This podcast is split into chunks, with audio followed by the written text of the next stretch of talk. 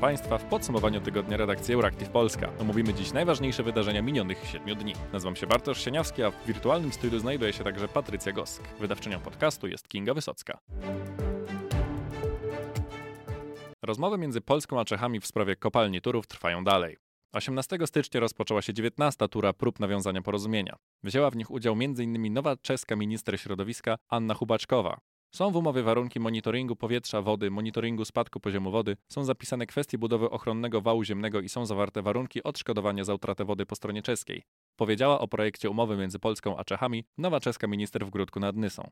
Rozmawialiśmy o stanowiskach obydwu stron do tych punktów i to bardzo e, w porządku i otwarcie i rozmawialiśmy, ustaliłyśmy z panią minister, że z, nasze, z naszych dzisiejszych rozmów nie będzie żadnego protokołu i uważamy treść za poufną tych rozmów.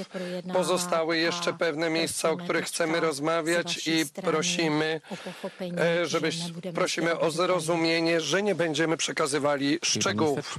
Hubaczkowa podkreśliła, że umowa wynegocjowana we wrześniu z punktu widzenia Czech jest gotowa. Nie będziemy proponować żadnych zmian, zapowiedziała. Tymczasem wiceprezeska Polskiej Grupy Energetycznej Wanda Buk zarzuciła Czechom, że ich kopalnie nie spełniają norm, których domaga się od kopalni Turów. Po 18 rundach negocjacji w 2021 roku i ataków czeskiego rządu na Turów okazuje się, że czeska kopalnia CSM przez ostatni rok działała bez oceny środowiskowej, a wydana pod koniec grudnia decyzja nie została poprzedzona obowiązkowymi uzgodnieniami transgranicznymi z Polską.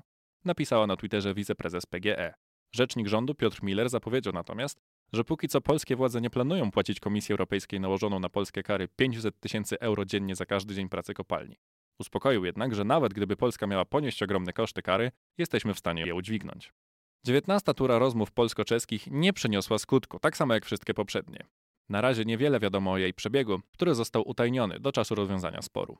Minister Hubaczkowa zapowiedziała, że już 19 stycznia będzie rozmawiała telefonicznie z polską minister klimatu i środowiska Anną Moskwą. W rozmowie z dziennikarzami nie sprecyzowała jednak, czego miałaby dotyczyć ta rozmowa. Według mediów, które powołują się na nieoficjalne informacje, Kwestia rozmów z Polską w prawie Turowa będzie przedmiotem posiedzenia czeskiego gabinetu, który zbiera się w środę. Tymczasem Komisja Europejska zapowiedziała, że minął termin spłaty kary przez Polskę. Oznacza to, że fundusze europejskie dla Polski zostaną pomniejszone o zaległą grzywnę. Za każdym razem, gdy wysyłamy wezwanie do zapłaty, dotyczy to okresu jednego miesiąca, przypomniał rzecznik Komisji Europejskiej Balaz Ujvari. Tłumaczył, że wobec tego pierwsze wezwanie do zapłaty dotyczy okresu od 20 września do 19 października, wysłane 10 listopada z ostatecznym terminem 45 dni. Nie otrzymaliśmy płatności w tym terminie i dlatego Komisja Europejska zdecydowała się na wysłanie tzw. Tak listu przypominającego z ostatecznym terminem 15 dni, podkreślił. Polska jest winna Komisji Europejskiej już ponad 60 milionów euro. Po śmierci Dawida Sassoliego funkcję przewodniczącej Parlamentu Europejskiego przejęła maltańska eurodeputowana z centroprawicowej Europejskiej Partii Ludowej Roberta Metsola. Obowiązki szefowej PE przejęła 18 stycznia, choć tymczasowo pełniła je już wcześniej, od czasu śmierci swojego poprzednika.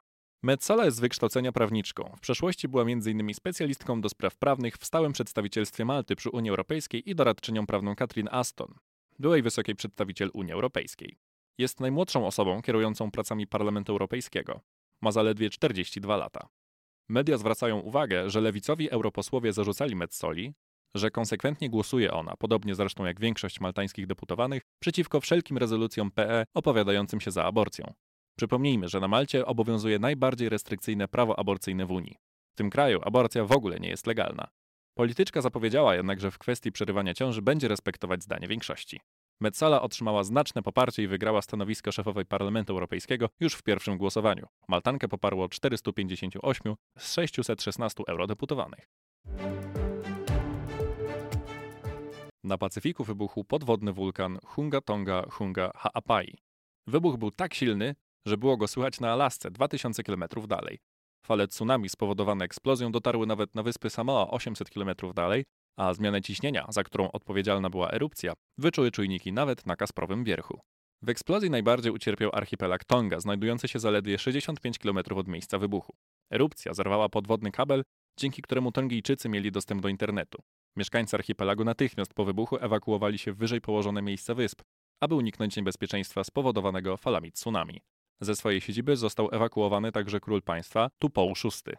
Wyspy zalało tsunami, a także zasypał pył wulkaniczny. Zniszczenia są naprawdę poważne jednak na szczęście mniejsze niż się spodziewano. Zginęły trzy osoby, co również jest mniejszym wynikiem niż obawiały się władze. W kierunku archipelagu zmierzają już okręty wojskowe Australii i Nowej Zelandii, mające dostarczyć jej mieszkańcom pomoc humanitarną. Rada Medyczna przy Kancelarii Prezesa Rady Ministrów de facto przestała istnieć. 14 stycznia 13 z 17 specjalistów pełniących funkcje doradcze w organie pomocniczym premiera Mateusza Morawieckiego złożyło rezygnację. Jako powód podano brak realnego wpływu zaleceń Rady na politykę sanitarną rządu oraz wyczerpanie się potencjału współpracy między medykami a władzą. Rada Medyczna powstała 6 listopada 2020 roku i miała służyć jako organ doradczy rządu. Jej oficjalnym celem była analiza i ocena bieżącej sytuacji w kraju, opracowywanie propozycji działań oraz opiniowanie aktów prawnych, takich jak rozporządzenia, które wprowadzają nowe zasady i ograniczenia w kraju. W związku z decyzją części członków Rady Medycznej formuła doradcza tego gremium zostanie zmieniona. Zadanie wypracowania nowej formuły zostało przekazane przez premiera ministrowi zdrowia. Poinformowało tego samego dnia Centrum Informacyjne Rządu w komunikacie. CIR uspokajało także, że rezygnujący z funkcji doradcy zadeklarowali jednocześnie gotowość do pozostawania w stałym kontakcie z rządem, ale w innej formie niż dotychczas. Dziękuję za współpracę wszystkim członkom Rady Medycznej przy premierze RP, którzy dziś złożyli rezygnację. Ta decyzja, zgodnie ze wspólnymi deklaracjami na posiedzeniu Rady Medycznej, na pewno nie kończy naszych kontaktów, napisał na Twitterze minister zdrowia Adam Niedzielski. Szef kancelarii premiera Michał Dworczyk zapewnił podczas konferencji prasowej w Ząbkowicach Śląskich, że 80% zaleceń Rady Medycznej było realizowane. 80% rekomendacji Rady Medycznej e, zostało wprowadzonych. Oczywiście nie wszystkie, to też trzeba sobie jasno powiedzieć. To wywoływało dyskusję e, w Radzie, ale pamiętajmy, że od samego początku formuła tego organu pomocniczego prezesa Rady Ministrów była skonstruowana tak, że właśnie Rada opiniuje, doradza, rekomenduje, natomiast odpowiedzialność za podejmowane decyzje ponosi Ministerstwo e, Zdrowia, ponosi Rada Ministrów. 17 stycznia podczas konferencji prasowej Adam Niedzielski zapowiedział restaurację Rady, tym razem w zmienionej formie. Do grona ekspertów do spraw pandemii dołączyć mają także m.in. socjologowie i ekonomiści. A teraz Patrycja opowie Państwu o konsultacjach między Ukrainą a Polską.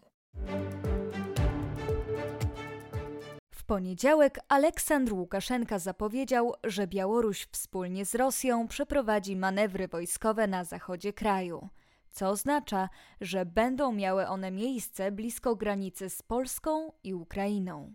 Eksperci w Kijowie uważają, że rosyjskie kontyngenty rozlokowane na Białorusi nie zostaną stamtąd wycofane po manewrach, a Ukraina będzie w konsekwencji narażona na ataki z północy, wschodu i południa, przekazuje New York Times. W związku z zaistniałą sytuacją w Wiśle trwają obecnie konsultacje prezydentów Polski i Ukrainy w sprawie bezpieczeństwa w regionie. Poprzednie spotkanie przywódców Polski i Ukrainy odbyło się 20 grudnia 2021 roku w miejscowości Huta na zachodzie Ukrainy w formacie trójkąta lubelskiego. Trzech prezydentów podpisało wtedy wspólną deklarację, której między innymi podsumowali 30 lat stosunków między państwami Trójkąta Lubelskiego i wezwali społeczność międzynarodową do przyjęcia zdecydowanej postawy wobec Rosji. Tematem obecnych konsultacji prezydentów Dudy i Zełęńskiego jest szeroko pojęta sytuacja bezpieczeństwa w naszym regionie i zagrożenia płynące ze strony Rosji. W związku z koncentracją rosyjskich wojsk na granicy rosyjsko-ukraińskiej, ruchami ich okrętów i ewakuacją rodzin dyplomatów z Ukrainy, zaniepokojenie wyraziły nie tylko państwa europejskie, ale również Stany Zjednoczone. USA obawiają się bowiem, że Rosja przygotowuje inwazję na Ukrainę, o ile nie uda się jej osiągnąć swoich celów środkami dyplomatycznymi. Wygląda na to, że Kreml stara się przywrócić swoją strefę wpływów utraconą po rozpadzie ZSRR. Tymczasem Rosja zaprzecza planom ataku na sąsiada, ale zastrzega, że może podjąć bliżej nieokreśloną wojskową akcję w przypadku niespełnienia jej żądań. Rosyjski minister spraw zagranicznych opublikował żądania Moskwy wobec USA i NATO w ośmiopunktowym dokumencie. Ich spełnienie ma zagwarantować obniżenie napięć w Europie. Cytowany w brytyjskim The Guardian wiceminister spraw zagranicznych Rosji Siergiej Ryabkow zapewniał, że w takim podejściu Moskwy do negocjacji z Zachodem nie chodzi o jakieś ultimatum, ale o to, żeby nie lekceważyć powagi naszego ostrzeżenia. Prezydent USA Joe Biden na środowej konferencji prasowej oświadczył, że w jego ocenie prezydent Rosji Władimir Putin podejmie decyzję o wkroczeniu rosyjskich wojsk na Ukrainę, ponieważ musi coś zrobić. Jednocześnie Biden zasugerował, że konsekwencje dla Rosji za agresję wobec sąsiada będą zależeć od tego, jaką ta agresja będzie miała skalę. Zwiększymy liczbę żołnierzy w Polsce i Rumunii, gdyby Rosja zaatakowała Ukrainę, zadeklarował prezydent USA. Jak dodał, Stany Zjednoczone mogą zdecydować się na taki krok, bo mają święty obowiązek, by bronić te kraje. Jeśli Putin zaatakuje, wręcz wzmocnimy naszą obecność wojskową w Polsce i Rumunii, bo mamy święty obowiązek, by bronić te kraje. Są członkami NATO, podkreślił Biden. Na pytanie, czy jego zdaniem Władimir Putin zdecyduje się na nową inwazję na Ukrainę, prezydent USA odparł: Nie jestem przekonany, czy sam jestem pewien, co zrobi. Domyślam się, że wkroczy. Musi coś zrobić. Będzie to wyłącznie jego decyzja. Nikt inny jej nie podejmie. Putin próbuje znaleźć swoje miejsce w świecie pomiędzy Chinami a Zachodem, dodał amerykański prezydent. Polityk przyznał, że jeśli na Rosję zostaną nałożone poważne sankcje, negatywnie odczują to gospodarki Europy i USA. Biden nie wykluczył przy tym ponownego spotkania się z Putinem. W tym tygodniu miejsce ma także wizyta sekretarza stanu Antonego Blinkena na Ukrainie. Wcześniej, w poniedziałek 17 stycznia, stolicę Kijowa odwiedziła także Annalina Baerbock, minister spraw zagranicznych Niemiec. Wiem, że ostatnia rzecz, jakiej teraz potrzebujecie, to kolejny gość. Kijów i tak jest ostatnio bodaj najpopularniejszym celem wizyt na świecie, żartobliwie stwierdził Blinken. Przy okazji rozmów z Zełęskim Antony Blinken zaapelował do Ukraińców, by w obecnej trudnej sytuacji zachowywali jedność, gdyż celem prezydenta Rosji Władimira Putina jest prowokacja podziałów na Ukrainie. Nasza siła zależy od tego, czy będziemy stanowili jedność i dotyczy to także samych Ukraińców, zwrócił uwagę. Według niego jednym z długoterminowych celów Moskwy jest krzewienie podziałów wewnątrz krajów i między poszczególnymi krajami, na co oczywiście nie możemy pozwolić. Blinken, który w Kijowie spotkał się także z pracownikami amerykańskiej ambasady, stwierdził, że prezydent Rosji może wydać rozkaz ataku na Ukrainę w krótkim czasie. Tym niemniej wyraził nadzieję, że Kreml zdecyduje się na rozwiązanie konfliktu drogą dyplomatyczną. Blinken i Zełęński rozmawiali także o potrzebie kontynuowania rozmów na temat Ukrainy, także z udziałem Rosji, w ramach różnych polityczno-dyplomatycznych formatów. Chcemy aktywizacji działania wszelkich formatów rozmów, a zwłaszcza umożliwić kontynuację rozmów w ramach formatu normandzkiego, oznajmił ukraiński prezydent. To już wszystko w dzisiejszym podsumowaniu tygodnia Euractiv Polska. W imieniu całej redakcji życzę Państwu udanego weekendu. Do usłyszenia.